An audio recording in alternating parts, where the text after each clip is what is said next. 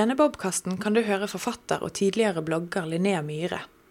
I 2014 ga hun ut sin andre selvbiografiske roman, brevsamlingen 'Kjære'. Noen av brevene i boken er vakre kjærlighetserklæringer, mens andre igjen er oppgjør med folk som har gjort henne mer vondt enn godt. Nesten 400 stykker møtte for å høre Linnea snakke på biblioteket, her i samtale med Charlotte Myhrbråten. Wow. Eh, så eh, kjekt å se så sykt eh, mange folk her. Jeg heter Charlotte Myrbråten og jobber med arrangement på Bergen bibliotek. Vi har fått storfint besøk, for vi gjentar suksessen fra i fjor. Når Erlend Nødtvedt og Linnea Myhre hadde et bokbad nettopp inne på Urom. Og det bringer meg videre til eh, kveldens eh, gjest. Eh, det er forfatter Linnea Myhre. Vi skal snakke litt om boka 'Evig søndag', og også den nye boka 'Kjære'. Og litt om både mottagelsen og veien videre fra disse bøkene. Først hadde vi tenkt å eh, begynne med at Linnea skulle lese litt fra Evig søndag. Eh, men den er selvsagt så populær her på biblioteket at eh, Jeg glemte å ta med mine, og kaste alle bøkene mine. Så jeg lurte på, Kan det være at noen har med seg Evig søndag? Ja! Kunne vi fått låne den? Jeg burde jo kunne alle kapitlene mine utenat. I hvert fall. Det ene jeg kan å lese, men uh, det fortrengte. Er det alltid sånn uh, hvor enn du, hvor enn du kommer? Tusen takk. Um, nei, det er det ikke. Jeg har aldri vært så mye folk før, tror jeg. Um, så det er jo veldig, det er veldig hyggelig at så mange har lyst til å komme og høre på våset mitt. Mm. Jeg blir helt rød i kinna og svett i henda. Eh, din kjæreste var jo her før jul, og han trakk jo bare 70 usle folk. Så eh, det er jo ingenting i forhold til eh, det her. Det han hadde et smalt tema, det må jeg sies. Aha, Aha. En veldig... Aha i en veldig kort eh, periode. Um, vi tenkte altså å begynne med første eh, romanen din, og så skal vi eh, liksom gå litt videre eh, fra den og snakke om både hva som skjedde før og etter. Og før vi kommer til 'Kjære'. Hva er det du vil lese, lese fra 'Evig søndag'? Jeg har lyst til å lese et eh, av de første kapitlene, som egentlig Hvis de som var her sist gang, har nok hørt det før. men ja, bare et kapittel fra 13.1.2011. Jeg våkner hver eneste morgen. Hadde jeg kunnet fått velge, så ville jeg latt være. Jeg skulle ønske at jeg heller kunne få sove til jeg aldri våkna, eller i verste fall i flere døgn sammenhengende, hvor jeg kun sto opp til de anledningene jeg gleder meg til. De forekommer imidlertid med ganske store mellomrom, men det passer meg helt utmerket. Det eneste problemet hadde vært at jeg ville brukt ekstremt lang tid på å komme à jour på internett etter en slik periode. Kanskje kunne stått opp også på lørdager. Jeg har ikke noe imot lørdager, heller tvert imot. Det ville nesten vært for dumt å bruke en hel lørdag på å sove. Men jeg har ikke noe annet valg enn å legge denne fantasien til side, da jeg uansett ikke er i stand til å sove i flere dager på rad. I stedet blir jeg nødt til å våkne til mine egne hender, som stryker mekanisk mot ribbeina. De har gjort det hver morgen i årevis. Det er ikke noe jeg kan styre eller gjøre noe med. Det bare må være slik. Det tomme blikket mitt er i mellomtida festa i det like tomme og hvite soveromstaket. Det er egentlig et ganske fint soveromstak har, med en stor, hvit rosett i midten, der det igjen er festa i ledning med ei skeiv lyspære i.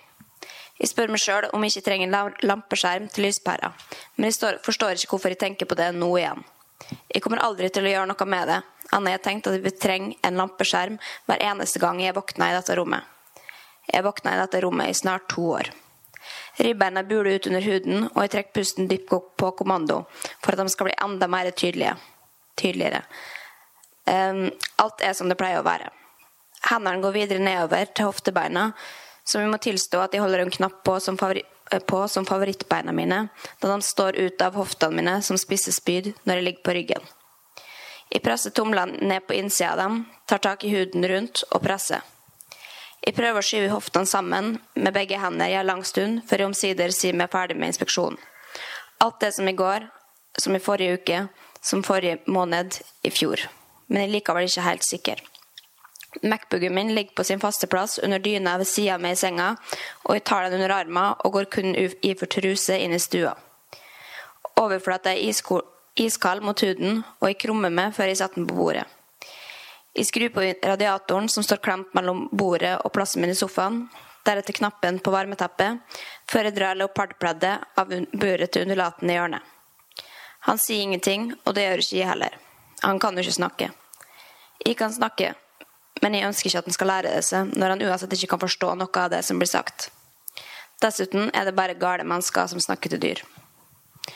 Det har ved noen anledninger likevel hendt at jeg henvender meg muntlig til dem, men kun i nødstilfeller eller situasjoner hvor jeg har blitt forbanna, og jeg har f.eks. hyrt til min mors hund at de skal drepe den hvis den ikke gjør som jeg vil.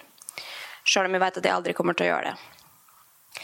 Det slår meg at jeg må ha glemt å trekke for gardinene i går kveld, for strålene fra vintersola skjærer inn gjennom de høye vinduene. Rett mot den lekre lysekrona som speiler seg og lager et litt fint mønster på de nakne veggene. Jeg forstår bare ikke hva sola gjør her i utgangspunktet, på en dag som denne, bortsett fra å lure folk til å tro at det er varmt ute. Vi er midt i januar, og det ligger fortsatt snø i gatene. Et snev av irritasjon passerer idet jeg napper tak i gardin etter gardin og stenger verden ute med det som ser ut som åtte hvite laken. Deretter åpner jeg opp laptopen, setter på webkamera og stiller meg opp. Jeg trekker pusten dypt inn og omfavner meg sjøl, før jeg tar noen skritt bakover for å få med hele figuren i bildet. Overarmene dekker brystene mine, og jeg strekker på ryggen for at ribbeina skal være ekstra godt synlige. I de samme posisjonene som alltid tar jeg bilde etter bilde. Springer frem og tilbake mellom laptopen og punktet på det kalde gulvet, mens jeg konkluderer med at jeg utvilsomt er det dummeste mennesket jeg kjenner. Men hva kan jeg gjøre? Jeg har innfunnet meg med at jeg uansett kommer til å dø av dette. Da jeg har alle bildene jeg trenger, pakker jeg meg inn i to lag klær og synker ned på plassen min i sofaen. Jeg leter fram bildene jeg tok for tre måneder siden. De er tatt fra nøyaktig samme vinkel, hvor lyset i bakgrunnen er den samme. Foran døråpningen ut i gangen, med den store eska i hjørnet. De bildene, eh, på de eldste bildene ser urovekkende fredelig ut.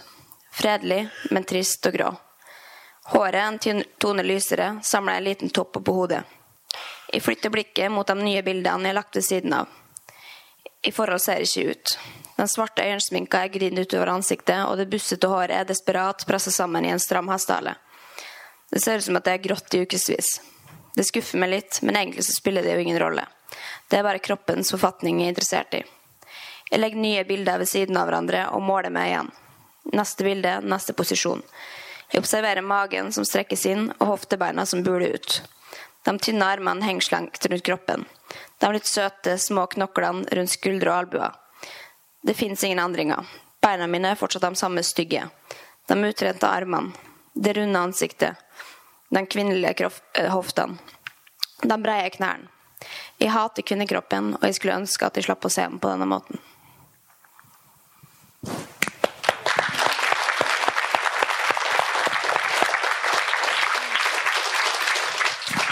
Eh, tusen takk skal du ha. Jeg lurte på om du kunne innledningsvis eh, Det er jo hjerteskjærende å høre på. Jeg lurer på om du kan si noe om hvordan du liksom begynte eh, å ta mot til deg for å skrive, skrive dette her ut. Mange kjenner deg jo som blogger. Og når vi skulle ha arrangement her på biblioteket, så på morgenmøtene og sånt, så omtaler du alle deg de eldre her, hun bloggeren som kommer, og så sier jeg 'forfatteren'. Hun er forfatteren, og uten at det liksom ser ut til å gå inn. hvordan gikk du fra å være, i hvert fall for meg, bloggeren til forfatteren, og det er jo en stor endring på hva, hvordan du skrev på bloggen og det du eh, kom med i Evig søndag. Eh, hva var det som skjedde i livet ditt til at det blei denne eh, Som er jo ganske drastisk å legge ned en blogg med 30 000 lesere daglig? Ja, um men altså, jeg, jeg, jeg har jo offa meg over det også. For er man en gang blogger, så er man tydeligvis alltid blogger. Uh, så jeg omtales jo fortsatt uh, som det, og det er jo helt greit. Det er jo ikke så lenge siden jeg landet. Men, uh, men grunnen til at jeg slutta med det i hovedsakelig, var jo fordi at jeg aldri syntes at det å blogge var så innmari kult. Altså Hvis jeg sa til folk at de drev med blogging, så var det eh, er jo blogging veldig ofte assosiert med rosablogging. Eh, blogging om klær og sminke og eh, og tåpelige kafébesøk. Um, og det, det, gjorde ingenting av det. Det var ikke det jeg skrev noen gang. Så de liksom unnlot å snakke om at de blogga. Um, men så likte jeg jo så godt å skrive, uh, og jeg følte at at jeg kunne At jeg hadde lyst til å være stolt av det å, å skrive. Og, og, det å skrive en bok er jo noe man kan være stolt av. Så når jeg kom på egentlig at det kunne være en fin avslutning på bloggen å skrive en, en bok isteden, så var jo det den perfekte løsningen på å bli kvitt det jeg egentlig var litt flau over, og så gjøre noe jeg heller var stolt over, men egentlig akkurat det samme, bare uten, uh, uten bilder. Mm. Syns du det var vanskelig å skulle begynne på et uh, annet uh, format? Ja, fordi det beste med bloggen er jo at man har bilder. Da kan man lene seg på det, og så kan man være kjempemorsom på bildet, og så, da, og så man, trenger man nesten ikke skrive noe i det hele tatt. Um, så da må man jo um, lage bilder ved å, å skrive. Uh, og det er jo en utfordring når man ikke har gjort det før.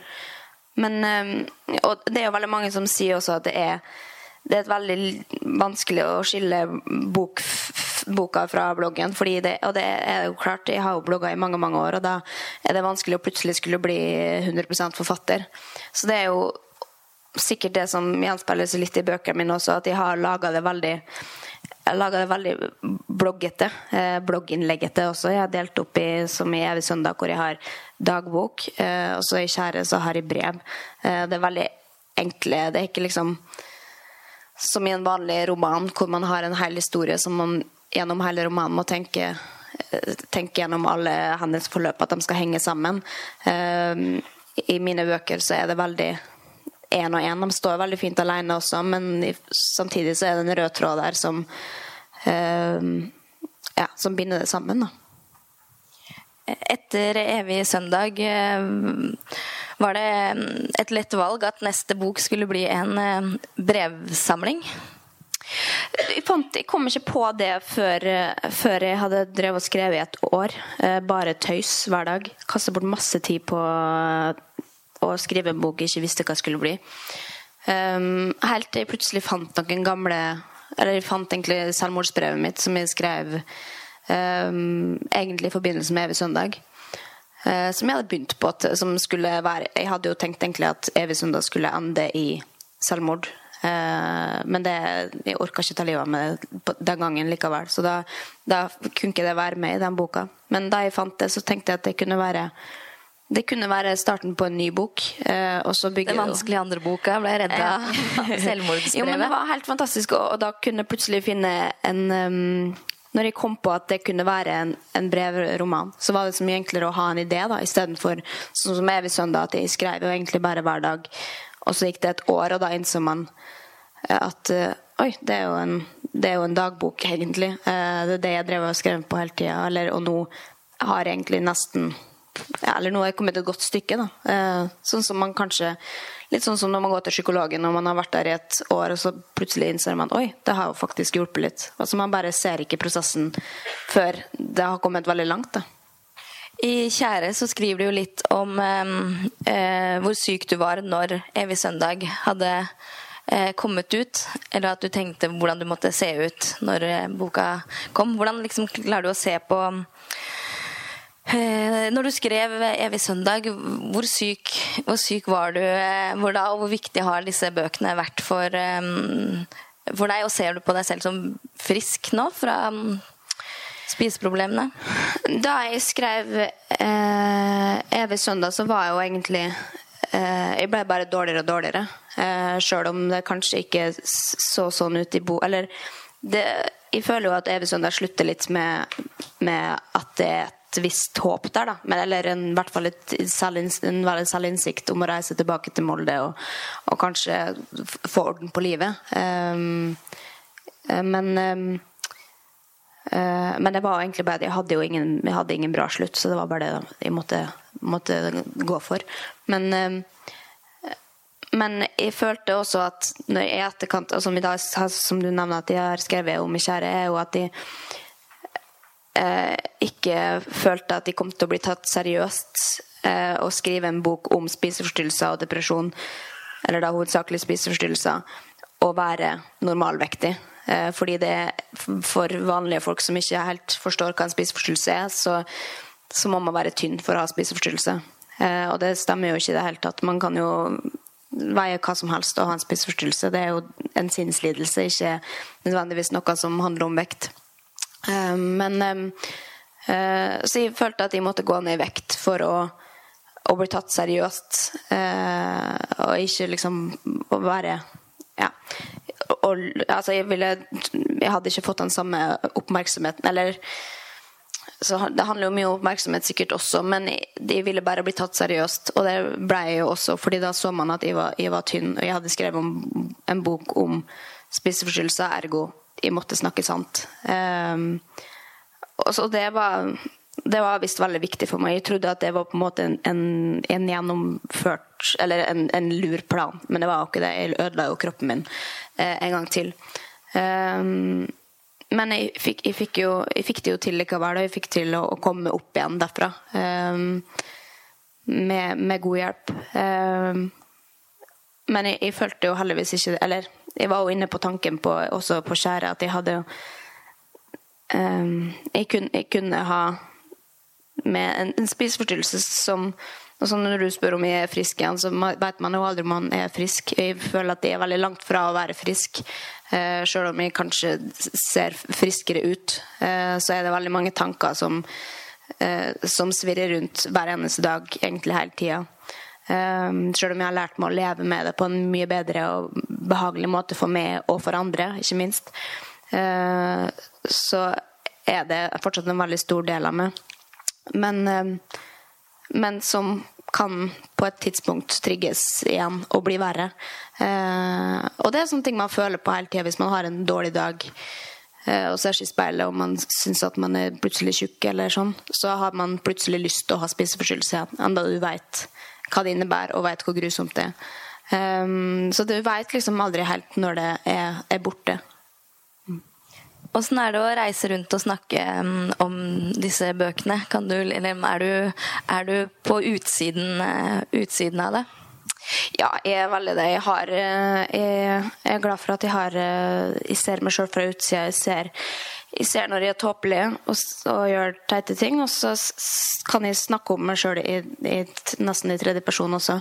Um, og det er Ja det er, jo, det er en veldig takknemlig situasjon at de kan faktisk gå, reise rundt og snakke om meg sjøl. Jeg trenger ikke forberede meg så mye. Bare få spørsmål og svare på dem. Men um, um, ja. Kjære ble jo en, brev, eh, en brevroman. Um, og vi er jo her på Bergen bibliotek, og jeg sitter jo på kontor med eh, bibliotekarer. Um, så jeg fikk jo langt, eh, en lang artikkel om hva en brevroman faktisk eh, var for noe. Og det er jo en sjanger som hovedsakelig består av brev. Enten alle brevene skrevet av hovedpersonen eller skrevet av mange personer i romanens fiktive verden. I noen romaner er i tillegg til brevene gjengitt dagbokbetegnelser, notiser og lignende. Brevromanen fungerer som en velegnet sjanger for å uttrykke hjertets usikkerhet, impulser, håp og lengsel. Dvs. Si fortelle om observasjoner, tanker, følelser framfor hendelser. Og til slutt brev kan gjerne handle om det hverdagslige, plutselige, flyktige og intime. Men brev trenger ikke å være ærlige. De kan brukes til falsk maskespill. I Kjære, eh, er det noe falsk eh, maske, maskespill eh, der? Eller vil du si at det er en selvbiografisk roman? Eller benytter du deg av brevenes løgnaktige muligheter? Først og fremst så forholder jeg jo ikke meg til sånne fasiter som du har her. Det er jo derfor jeg kaller bøkene mine romaner også. Jeg vil kalle dem det jeg vil, faktisk. Det er jo bare fordi at forlaget mitt har sagt du må ha en du må, ha, du må sette det med en sjanger, så bibliotekaren vet hvor boka skal inn. Eh, og da skrev jeg roman for, for å kanskje beskytte andre litt, og at jeg kan jeg kan lyge litt, og jeg kan eh, pynte litt, og jeg kan, jeg kan, gjøre akkurat det jeg vil. Eh, men det er jo mange som, eh, som reagerer på at eh, at det egentlig heller burde vært en, en, selvbiografi. Men jeg er jo 24 år, jeg kan ikke skrive en selvbiografi. Eh, det er altfor tidlig. Så derfor er det en roman. Det, men det er sikkert en selvbiografisk eh, roman som Men den artikkelen her, den, her er, den er, jo på ditt lag. Eh, at du kan eh, med stor letthet kalle det en brevroman. Og, ja, ja, ja. Det, det, det, er Helge Ridderstrøm, så det kan du si til forlaget ditt at, at det er helt rett å kalle den et, en brevroman, og du ikke må kalle den en selvbiografi. Men det er Altså, jeg har jo da jeg fant ut at jeg skulle skrive en brevsamling, eh, så gikk gikk jo ikke inn på Google og, og søkte etter det og hvordan gjør jeg det. Eh, jeg skriver jo bare akkurat det jeg vil, og det husker jeg veldig godt at jeg gjorde på da jeg gikk på skole også. Så når jeg fikk beskjed om at nå skal du skrive en artikkel, og du skal skrive ditt og datt, og sånn skal det se ut, så, så ville jeg aldri gjøre det. Jeg ville ikke følge den malen. Jeg ville skrive min egen og derfor fikk jeg så dårlige karakterer. Vi fulgte aldri reglene. Uh, men, og det har jeg fortsatt med, og nå kan jeg, nå kan jeg komme unna med det. I hvert fall til en viss grad.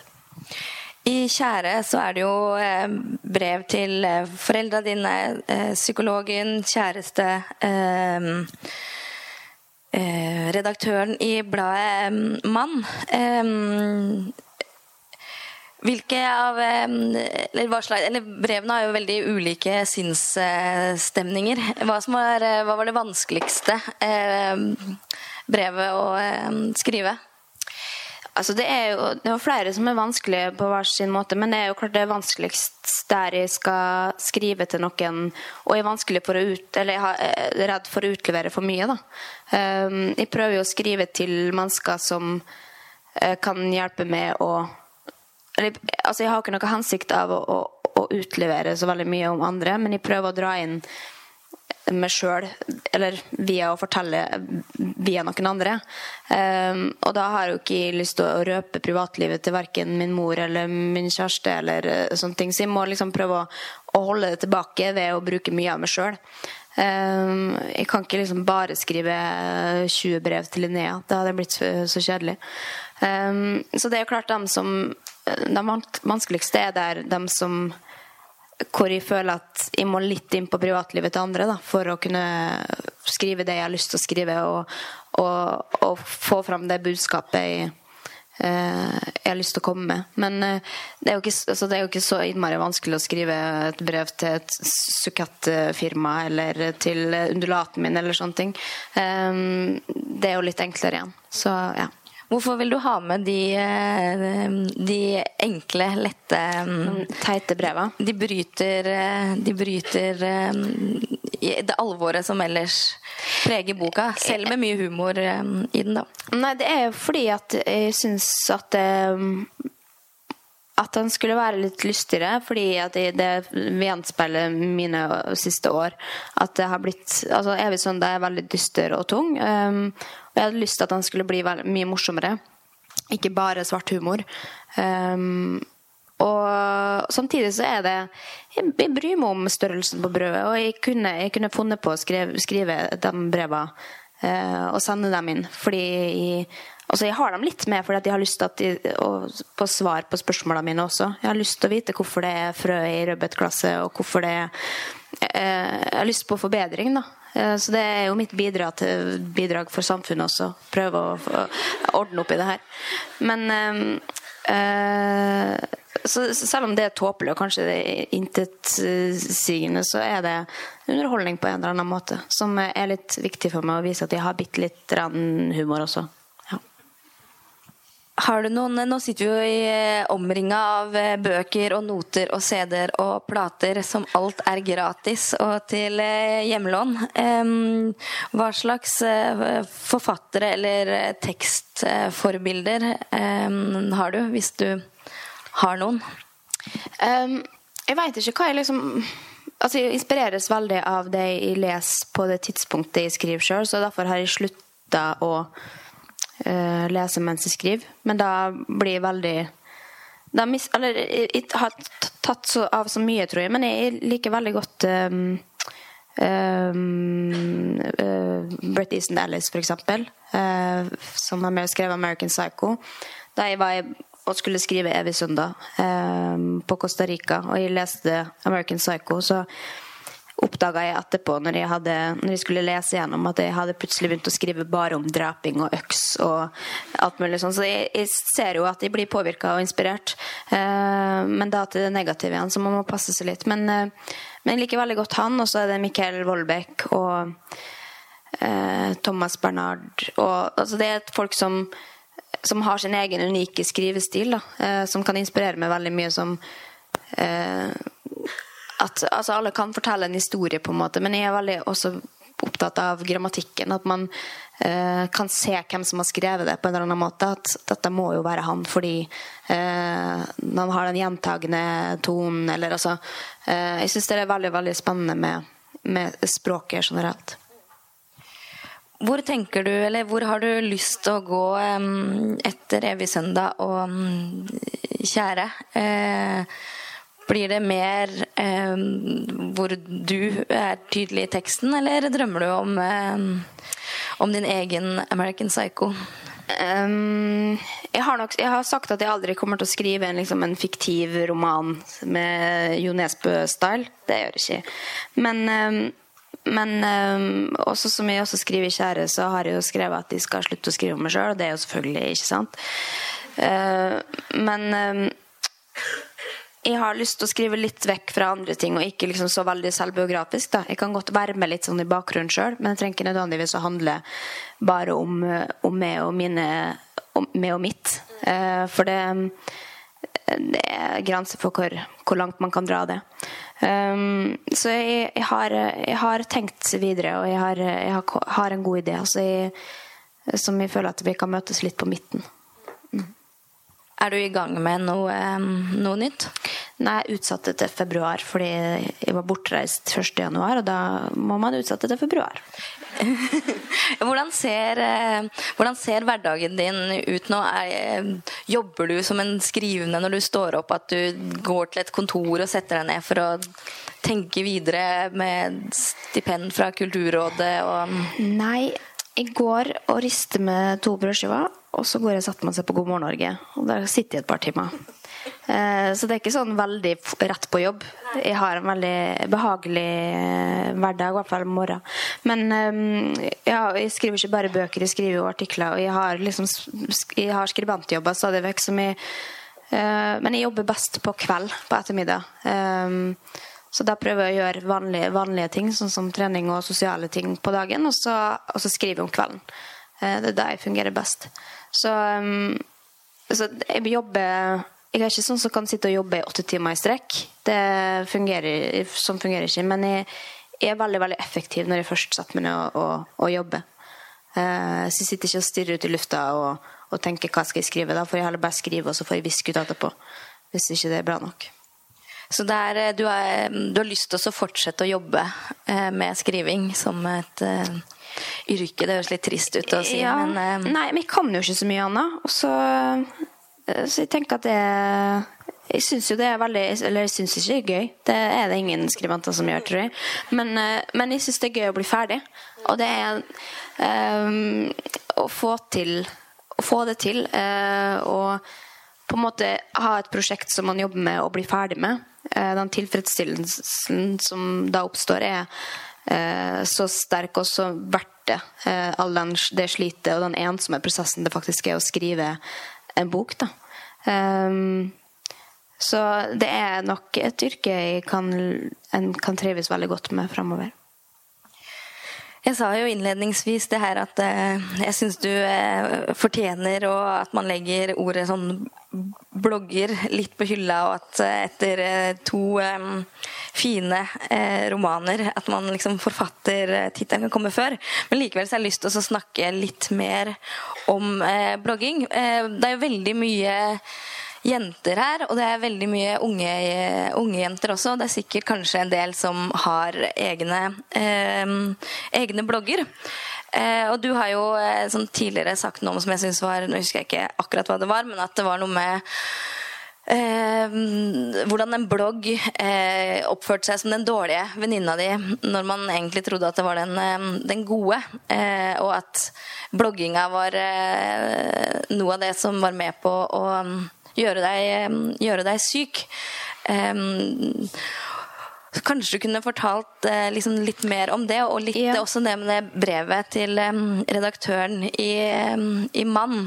Em, Jo, nei, først og fremst eh, Mye av blogginga jeg synes har utvikla seg til å bli en negativ trend, og som egentlig var litt av grunnen til at de hadde lyst til å hoppe av sjøl også, uh, er jo fordi man man leser en blogg, og så leser man da om folk på sin egen alder eh, som egentlig har litt samme interesse som en sjøl. Og, og sånn. Men også, også, blir det på en måte den gode venninna, selv om du ikke aner hvem dette mennesket egentlig er. Og hun aner i hvert fall ikke hvem du er.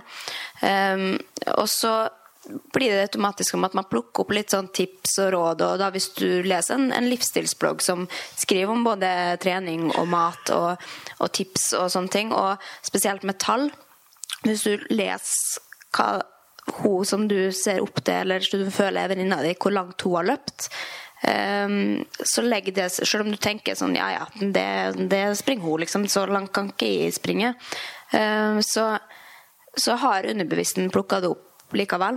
Um, og for ei tolv år gammel jente da, som leser at, at forbildet sitt springer ti kilometer, eh, så vil hun da altså Nå sier jo ikke at nødvendigvis at tolv år gamle jenter er på treningssenter, men det vil i hvert fall for min egen del da, så kan jeg tenke, stå der og tenke da, at hvis ikke jeg også springer 10 kilometer, så er jeg dårligere.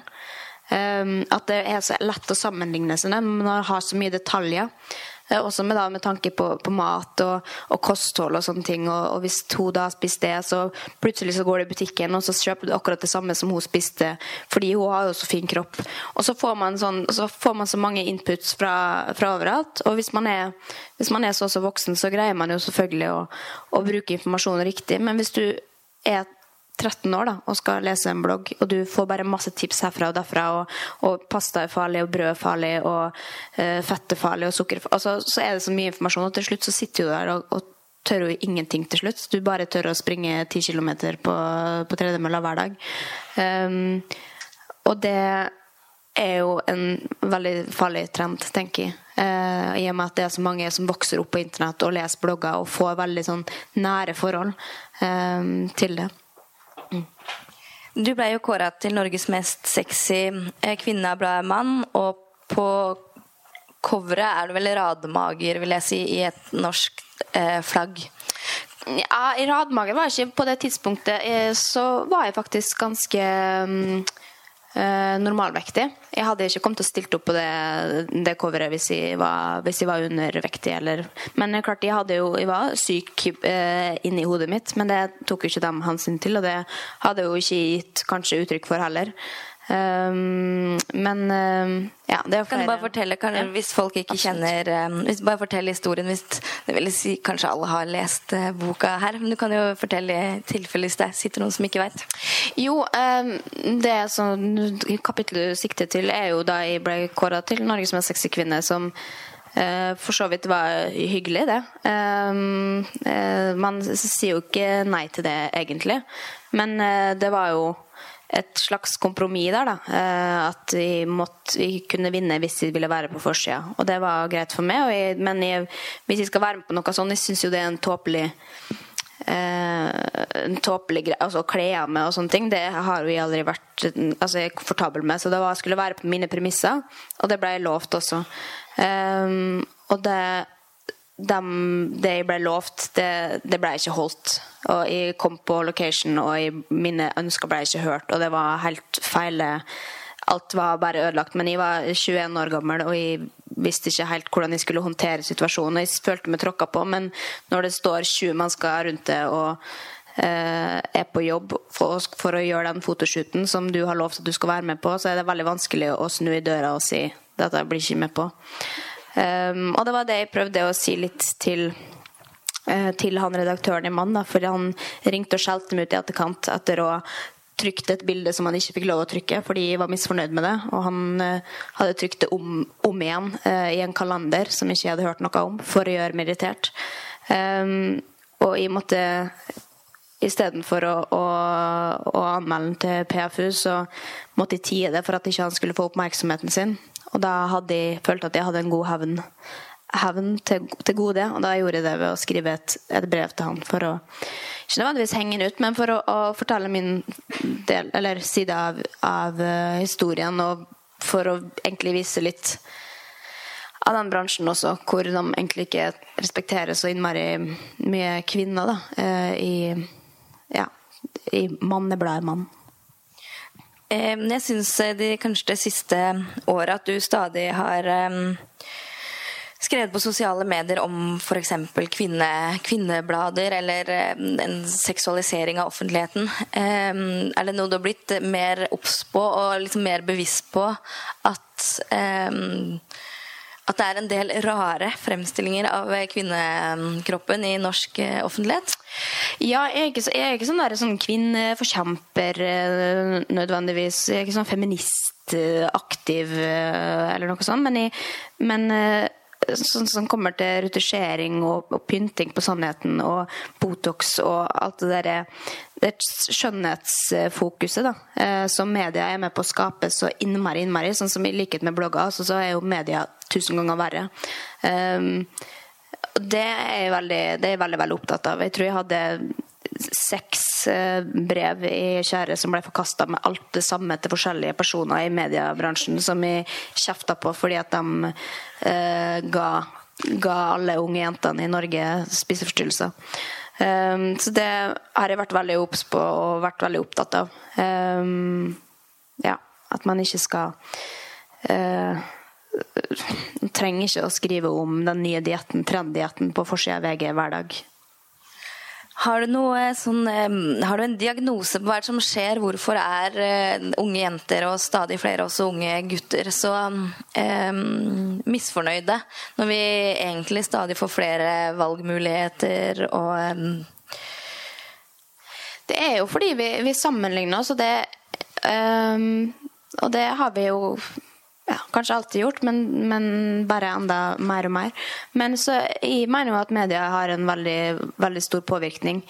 Eh, og oppskriftene ligger omtrent ute på, eh, på forsida. Du trenger ikke klikke inn på artikkelen engang før du vet hva du skal gjøre. Og det plukker underbevisstheten opp. og og man, det er viktigere åpenbart for, for, unge eller det er viktigere og viktigere å, å se perfekt ut. Og fordi man har så man får bloggere som forbilder, og bloggere er perfekte, er tilsynelatende.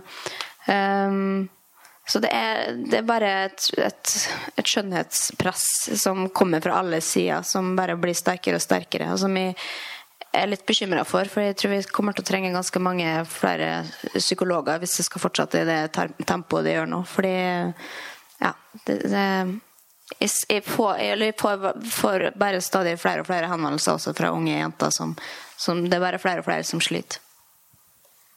Hva skal, vi, hva skal vi gjøre? Du sa at du ikke helt klarte å omfavne feministordet. Eh, det er et ord jeg er veldig, er veldig glad i. Jeg mener jo at det kan være veien å, å gå, da. Med en eh, sterk feministbevegelse som at vi kan bevisstgjøre unge Eh, hvordan, eh, Du sier at eh, vi kommer til å stadig trenge flere psykologer. Hvordan kan vi, hvordan kan vi stoppe Hva skal vi gjøre? Det kan ikke, før altså, det går helt i dos. Nei, Hadde jeg hatt løsningen på det, så hadde jeg jo da, da, kunne vi ha snakka om det. Men, men, jeg tror jo nå mest sannsynlig at det er media som bør bli litt mer bevisst på det. Men det er jo vanskelig, altså mediebransjen skal gå rundt den også. og Det er jo helt åpenbart de sakene som er, handler om trenddietter, som får mest klikk. Så det er jo en sånn ond sirkel som man ikke vet helt hvordan man skal gripe tak i. Men det er jo bare å sette mer fokus på det, rett og slett. Og at man ikke, eller at man ikke tar alt man leser for god fisk. Da. At, og at man eh, ja, i hvert fall ikke går på diett. For det har ikke, har ikke noe for seg. Vi begynner også å få flere, mm, eh, eller noen bøker som prøver å mm, gjennomskue dette. Vi har litt bullshit-filter Oda Farmol innom. Vi har jo kjære som også gjør det i en viss grad. Vi trenger kanskje en hel sånn sjanger av eh, arrestasjonsbøker. Ja, men spørs hvor mange som gidder å lese dem, da. Det er veldig mange bøker eh, her ute som også og det er veldig mange bøker med viktige budskap også, men eh, det er ikke alle som får like mye oppmerksomhet. ofte er det jo sånn når eh, kvinner, og gjerne også unge kvinner, eh, blir hørt, enten det er liksom Beyoncé eller Taylor Swift eller eh, noen helt andre, at eh, i tillegg til å drive med det de driver med, som enten kan være å skrive eller drive med musikk, så eh, får de også beskjed om at de ikke kan gjøre noe rør, for de er forbilder. At de må bruke stemmen sin til noe viktig. De kan liksom bare ikke være. Bare kjøre på, sånn som kanskje mannlige kollegaer i større Eh, i større grad kan gjøre. For kvinner også skal være et eh, godt forbilde og si noe fornuftig når man liksom først sier noe. Eh, har du tenkt, tenkt på det? Du fikk jo Tabuprisen for å snakke om psykiske problemer, f.eks. Er du veldig bevisst på hvordan du bruker din stemme? Jeg er jo det, men kanskje i enda større grad igjen. For jeg vet Jeg ser litt eller jeg har opplevd sjøl hvordan man blir påvirka av, uh, av mennesker som er, er, veldig synlige i media og sånne ting. Uh, men det er jo veldig interessant det du sier med, med at um, kvinner har liksom mye større fokus på seg for å være Eller og det er viktigere oppgave for dem å være gode forbilder enn, for, enn det menn uh, gjør, eller er, da. Um, men det er også fordi kanskje for jenter sammenlignes med mer, og man da man er jo så lettlurt som 14-åring. 14 um, så jeg tenker veldig veldig ofte på at, uh, at jeg er et forbilde, sjøl om uh, det også er selvfølgelig veldig, veldig, veldig rart. Men, uh, men uh, det er jo egentlig noe alle bør, bør, tenke på, bare for å være gode mennesker generelt. At man skal være et godt, godt forbilde. Men altså alle, alle, trenger ikke å, å, snakke om tabuting eller sånne ting. Men så lenge man ikke liksom sprer, eh, sprer dårlige verdier, da. Eh, ikke at alle Miley Cyrus liksom og, og kler av seg. Eh, for det, det går ikke. Men det, det, finnes jo veldig, veldig mange gode forbilder, heldigvis. Det, det er noen som holder igjen for at det går helt utfor. Mm. Åssen forhold har du til deg, eller til din egen um, personlige offentligheten? For du virker veldig ambivalent. for du virker, eller fremstår som um, Du har jo på en måte bygd opp et image som surpomp. Eh, samtidig eh, som du eh, vil være med på Skal vi danse. du vil ha privatlivet liksom, det, et kort er tett i brystet, men samtidig så er det liksom det selvbiografiske viktig for deg. At det, ja, det er et veldig dobbelt, eh, dobbeltspill. Eh, at man ikke alltid helt veit eh, hvor man har deg. Ja, nei, altså jeg bruker å kalle meg sjøl Norges største hykler. Um, fordi jeg vet egentlig ikke Det varierer litt fra dag til dag hva jeg egentlig føler. Um, og det er litt vanskelig å holde oversikt. Men, um, men jeg er veldig klar på sjøl hva jeg, jeg, jeg, føler og ikke føler. Og egentlig så føler jeg meg litt misforstått når, jeg, når folk påstår at jeg er sinna blogger. For jeg har aldri vært sint. Jeg har, vært, jeg har kommet fra Molde og vært pessimistisk. Uh, det er min unnskyldning. Men uh, er, grunnen til at jeg ble det i utgangspunktet, var jo at jeg, jeg blogga om kun det jeg syntes var, var tåpelig og, og, som irriterte meg. Og utelot å, å, snakke om det som jeg syntes var fint og, flott, som er masse, men som jeg ikke veit helt hvordan jeg skal skrive om, eller som ikke er like interessant. Eller, uh, sånn, og da får man jo et inntrykk av at ja, nå er bare Suro. Uh, og det er for, for, så vidt greit. Men, uh, men sånn som i dag i Skal vi danse, så gikk jo jeg inn der med litt sånn jeg skulle prøve å drape det konseptet litt, følte jeg. Eh, fordi det er jo et sånn tåpelig program som jeg aldri har sett på før, fordi at folk er så jævlig smørblide. Eh, og så tok det fem uker, og så var jeg sånn sjøl. Eh, men, men jeg, jeg, jeg, følte jo ikke at jeg forandra meg, jeg bare var flinkere til å vise mine gode sider. eller glade sider. og at jeg ble litt tryggere meg, på meg sjøl for det på en måte imaget som jeg har har fått eh, ved å være sint og sur, og som folk har forventa av meg. Uh, og jeg kan jo også si at jeg, ikke, jeg, går ikke rundt og ser ut som at jeg er sur med vilje. Det er jo bare fordi jeg ser alvorlig ut, stort sett. Uh, men jeg kan jo smile også, og er når jeg har det kjekt, så, så smiler jeg. Og det, jeg hadde det veldig kjekt på Skal vi danse etter hvert, så det, derfor smilte jeg oftere og oftere. Og bøkene er jo også De er jo stappa av humor eh, også. Ja, jeg prøver å lure de har masse humor. Jeg ler, ler masse. Men, eh, men det følte jeg også litt på bloggen at i utgangspunktet så er jeg jo ikke en sånn eh, jeg er jo ikke standup-komiker, men det følte liksom de som leste bloggen min, at de skulle bare være sånn morsom som, som Det var så lett, da, for at de trodde at jeg, når jeg var morsom på bloggen, så så mente ikke å være morsom. Jeg var bare morsom naturlig. Eh, men jeg satt jo der og, virkelig sleit for å være morsom.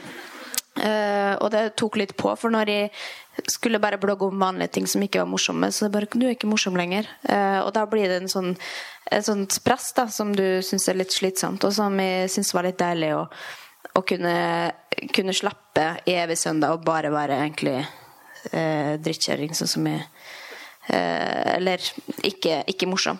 Eh, men jeg har, jeg har fått, fått, humoren tilbake litt de siste åra. Du har jo eh, også vært veldig streng mot deg sjøl. Når bøkene blir anmeldt, åssen kjennes, kjennes, det? I 'Kjære' tar du jo for deg en anmeldelse av 'Evig søndag' av Erle Marie Sørheim, var det ikke det? Jo, det tror jeg. Uh, jeg husker med vilje ikke navnene deres alltid. Hæ, Hvem? Men uh, uh, Ja. Men altså, problemet mitt er jo at de tror jo på alt de leser. så jeg, når, jeg, når, jeg, leser en anmeldelse, så tenker jeg ja, greit, da har du rett. Jeg er dårlig. og derfor må jeg eller denne gangen her så er det mange anmeldelser jeg ikke har lest, fordi at jeg vet at uh, når overskrifta er 'Myhre har lite å melde', så jeg har ikke noe inne på den anmeldelsen å gjøre. Uh, for da vet jeg at jeg har lyst å, å oppsøke vedkommende og, og slå vedkommende i hjel uh, også. Så jeg, jeg, jeg, tar det veldig, veldig innpå meg. men så er det jo så må man jo tenke på også at det altså, Jeg har kanskje ikke skrevet bøker for 60 år gamle menn i, i Aftenposten. Um, det er for en litt annen målgruppe. Um, så jeg kan ikke liksom bli lei meg for alt heller, selv om ikke han likte Kjære så innmari godt. Um, men jeg har fortsatt ikke lest den anmeldelsen. Jeg elsker målgruppa du skriver for, og vi har aldri kanskje hatt så mange i biblioteket noen, eh, noensinne. Eh, unge jenter som leser er jo helt, eh, en helt nydelig mål, målgruppe. Da har jeg et eh, avrundende spørsmål, for jeg tenkte også å lese litt fra Kjære. Eh, jeg nevnte litt det med at eh, Eh, at du kan være ganske selvkritisk. Eh, hva syns du om din egen eh, Kan du komme med en anmeldelse av deg selv? Hva slags forbedringspotensial har du som forfatter? Altså, først og fremst så må jeg skrive kanskje litt lenger. Det må ta litt mer enn en halv time å lese boka mi. Men, men jeg, altså, jeg, med en gang jeg har skrevet og blitt ferdig, og så skal jeg lese gjennom igjen, så syns jeg det er så i ene øyeblikket syns jeg det er bra, og så syns jeg det er dårlig. Så jeg føler at jeg, jeg ble så ferdig med ting så fort. Og da så når jeg skulle forberede meg på hva jeg skulle lese i stad, så, så, foreslo du et kapittel, og så Nei, jeg kan ikke lese det, for det er dårlig. Og så kan ikke lese Nei, det er også dårlig. Så jeg, alt, alt, er dårlig. Uh, og sånn var jeg veldig, veldig lenge med Evig søndag. Og så tenkte at dette skal jeg ikke lese på minst ti år, for det er så grusomt og pinlig og dårlig og, uh, og alt mulig. Men uh, så leste jeg gjennom en eh, nå for bare et par måneder siden. Og da syns jeg at da, da, da var den vokst på meg igjen. Men nå har jeg fått det forholdet til kjære, så nå syns jeg kjære er dritdårlig. Eh, så det eh, Men jeg, jeg har eh, sånn, en sånn en, en firer alltid alltid ligget midt på treet. Jeg har aldri blitt noe bedre enn en firer, og det kan jeg leve veldig godt med en firer.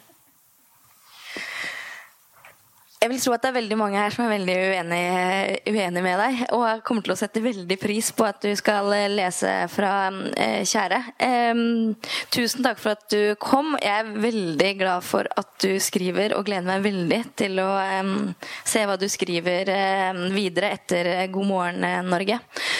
Hva er det du skal eh, Hva er det du syns er minst dårlig, da, i Kjære? Nei, det er altså Det betyr ikke at jeg syns det er bra. Men eh, Nei, jeg skal ikke sitte og snakke meg sjøl ned, for det er jeg veldig god på. Men, men det høres bare kjempetoppelig ut. Men jeg eh, har lyst til å lese det brevet som jeg har skrevet til meg sjøl. Eh, og så vil jeg takke for at dere kommer hvis ikke jeg har mulighet til det etterpå. For det satte jeg også veldig stor pris på. Ok. Eh, kjære Linnea. 24. juli 2014, Oslo. Nå sitter jeg og blar gjennom gamle bilder av det, og i, et øyeblikk så trodde jeg nesten at jeg skulle kaste opp. Jeg kan ærlig talt ikke forstå at vi er samme menneske. Det er nesten slik at jeg er frista til å si at du hadde godt av en skikkelig spiseforstyrrelse. Hvis jeg fikk mulighet til å la det gå tilbake og gjøre det annerledes, ta de rette valgene, ville jeg ikke latt deg gjøre det. Du var jo håpløs fra før av. Du kom alltid haltende halvannen skoletime for seint, med tom sekk og de samme klærne som i går. Du slengte de styggeste kommentarene etter de søteste guttene, og ble lei deg når, når, de ikke ville være forelska i deg. Du lo av den som ikke turte å snakke høyt, og snakka stygt om alle vennene dine. Jeg veit at det er sånn 14 år gamle jenter gjør, men jeg kan ikke komme på noen som var verre enn det. Jeg hater tanken på at du har vært sånn. Gudene veit hvordan det ville gått hvis ingen hadde kommet og grepet inn. Det var selvfølgelig uheldig at det var kaloriene som skulle komme og ta kontrollen over livet ditt, men på en annen måte så kunne det vært verre. Det kunne vært 4H. Jeg husker hvor bekymra alle var for det den gangen du gikk på både trilling, drilling, teater, bordtennis og seiling samtidig. Det var en veldig kritisk periode. Det kunne gått riktig ille, og du hadde på et tidspunkt uansett eh, havna hos psykologen. Jeg er glad for at du heller havna der pga. sinnslidelser du visste hva var, istedenfor at noen måtte forklare det at du var evneveik. Er i det hele tatt takknemlig for at du har fått noen år i fosterstilling, så du veit eh, hva du ikke skal gjøre igjen seinere. Det er sikkert behagelig å vokse opp med alt og alle man trenger til, eh, til enhver tid også, spesielt med en hjerne som fungerer som den skal, men man lærer jo ikke særlig mye av det. Nå tror jeg imidlertid kanskje at du har lært litt for mye om deg sjøl. Det finnes jo grenser for hva man trenger å vite, og ikke, minst, eh, for, eh, og ikke minst for hvor mye man er nødt til å fortelle videre. Du vet at du vet for mye om deg sjøl når du er nødt til å skrive ei bok om det. To bøker. I framtida trenger du kanskje ikke skrive så mye om deg sjøl. Det er jo bare um, det er bare det at jeg er så ufattelig lei av å høre om hvor lei du er av deg sjøl. Det går over, det. Du må bare bli voksen først, og frisk. Dessuten er jeg lei av at du rakker ned på deg sjøl um, Dessuten er jeg lei av at du rakker ned på andre når du ikke tåler et snev av kritikk sjøl. Jeg er drittlei av at du gjør alt du uh, selv forteller at andre ikke burde gjøre, og aldri innrømmer når du har tatt feil. Men aller mest har jeg fått nok av at du er så jævlig sur og vanskelig. Du trenger ikke å straffe alle som ikke forstår hvordan du har tenkt. Du er jo sinnsforvirra. Det er klart ikke folk forstår hvordan du har tenkt. Jeg vet at ikke du vet hvem du er riktig ennå, og, og, at det sikkert kommer til å være slik en stund til. Men jeg tror ikke du skal være så redd for å bli frisk. Du trenger ikke være så redd for at du bak spiseforstyrrelsen egentlig er noen andre heller, for det er du ikke. Du er nok ikke så langt unna deg sjøl nå. Du må bare få orden i tankerekkene. Greie å sette andre foran maten din litt oftere, f.eks. Det hadde vært en god start. Gi litt slipp på deg sjøl og dine ritualer, dine matvarer. At du skal bestemme middagen hver dag, høres kanskje nokså harmløst ut, men du skal vite at det er jævlig irriterende for oss andre i lengden. At du skal stappe kofferten full av leverpostei hver gang du skal utenlandsk, virker kanskje søtt den ene gangen, men i det store og hele framstår du bare som ei fanatisk drittkjerring som burde blitt sperra inne i landet på livstid. Av og til gjør det meg bare så vanvittig flau. Men så er jeg også så ubegripelig stolt av det. Stolt over at du endelig har klart det på egen hånd, og at du greier å be om hjelp den gangen du trenger det. For at du ikke lenger sover bort dagene dine, og for at du spiser den kroppen, eh, maten kroppen din trenger. For at du greier å sette pris på andres selskap framfor å stenge det inne i ditt eget, og for at du heller vil sove med kjæresten din enn alene. For at du klarer å være stolt over, over deg sjøl, og for at du har lyst til å leve. Herregud, så stolt jeg er av deg. Drittkjerring.